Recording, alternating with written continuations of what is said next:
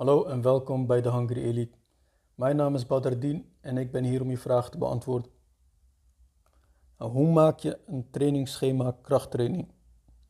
Ik heb vijf stappen voor je die je kunt volgen om dit te doen. Stap 1. Beslis hoe vaak je in de week gaat sporten. Dus niet de ene week twee keer, de andere week vijf keer. Maar beslis hoe vaak je elke week structureel gaat sporten. Stap 2. Verdeel de zes spiergroepen om de trainingen samen te stellen. Zes spiergroepen zijn schouders, borst, armen, rug, buik en benen. Nou, bijvoorbeeld, ik ga drie keer per week trainen. Dan kies ik voor training 1, doe ik mijn borst en armen. Training 2 doe ik rug en schouders.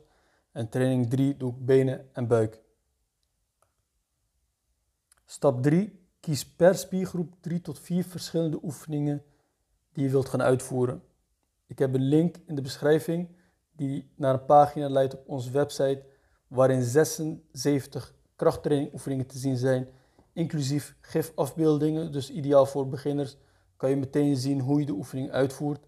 En daar staan meer dan genoeg opties op per spiergroep aan oefeningen. Stap 4. Uh, eh, sets en herhaling invullen. Dus beslis hoeveel. Voor beginners is 3 sets aangeraden. Ben je wat meer ervaren, is 4 tot 5 sets per oefening voldoende. Voor optimale spiergroep is aangeraden 8 tot 12 herhalingen per set. En 8 herhalingen bijvoorbeeld wil niet zeggen dat je 8 herhalingen hebt gedaan, maar je kon er 12 of 15 doen. Dat is geen 8 herhalingen. 8 herhalingen wil zeggen, je kiest een gewicht uit waarbij je met moeite de 8 zou kunnen uh, doen. Dus uh, kan je er veel meer, dan is het te licht. Want het is wel belangrijk dat je uitdaging hebt, dat het met moeite gaat om spiergroei en uh, te stimuleren en spiergroei te kunnen wekken. En stap 5, de laatste, plaats alles in een tabel voor overzicht en doe het op volgorde. Nou, dat was het voor deze vraag en ik spreek je in de volgende.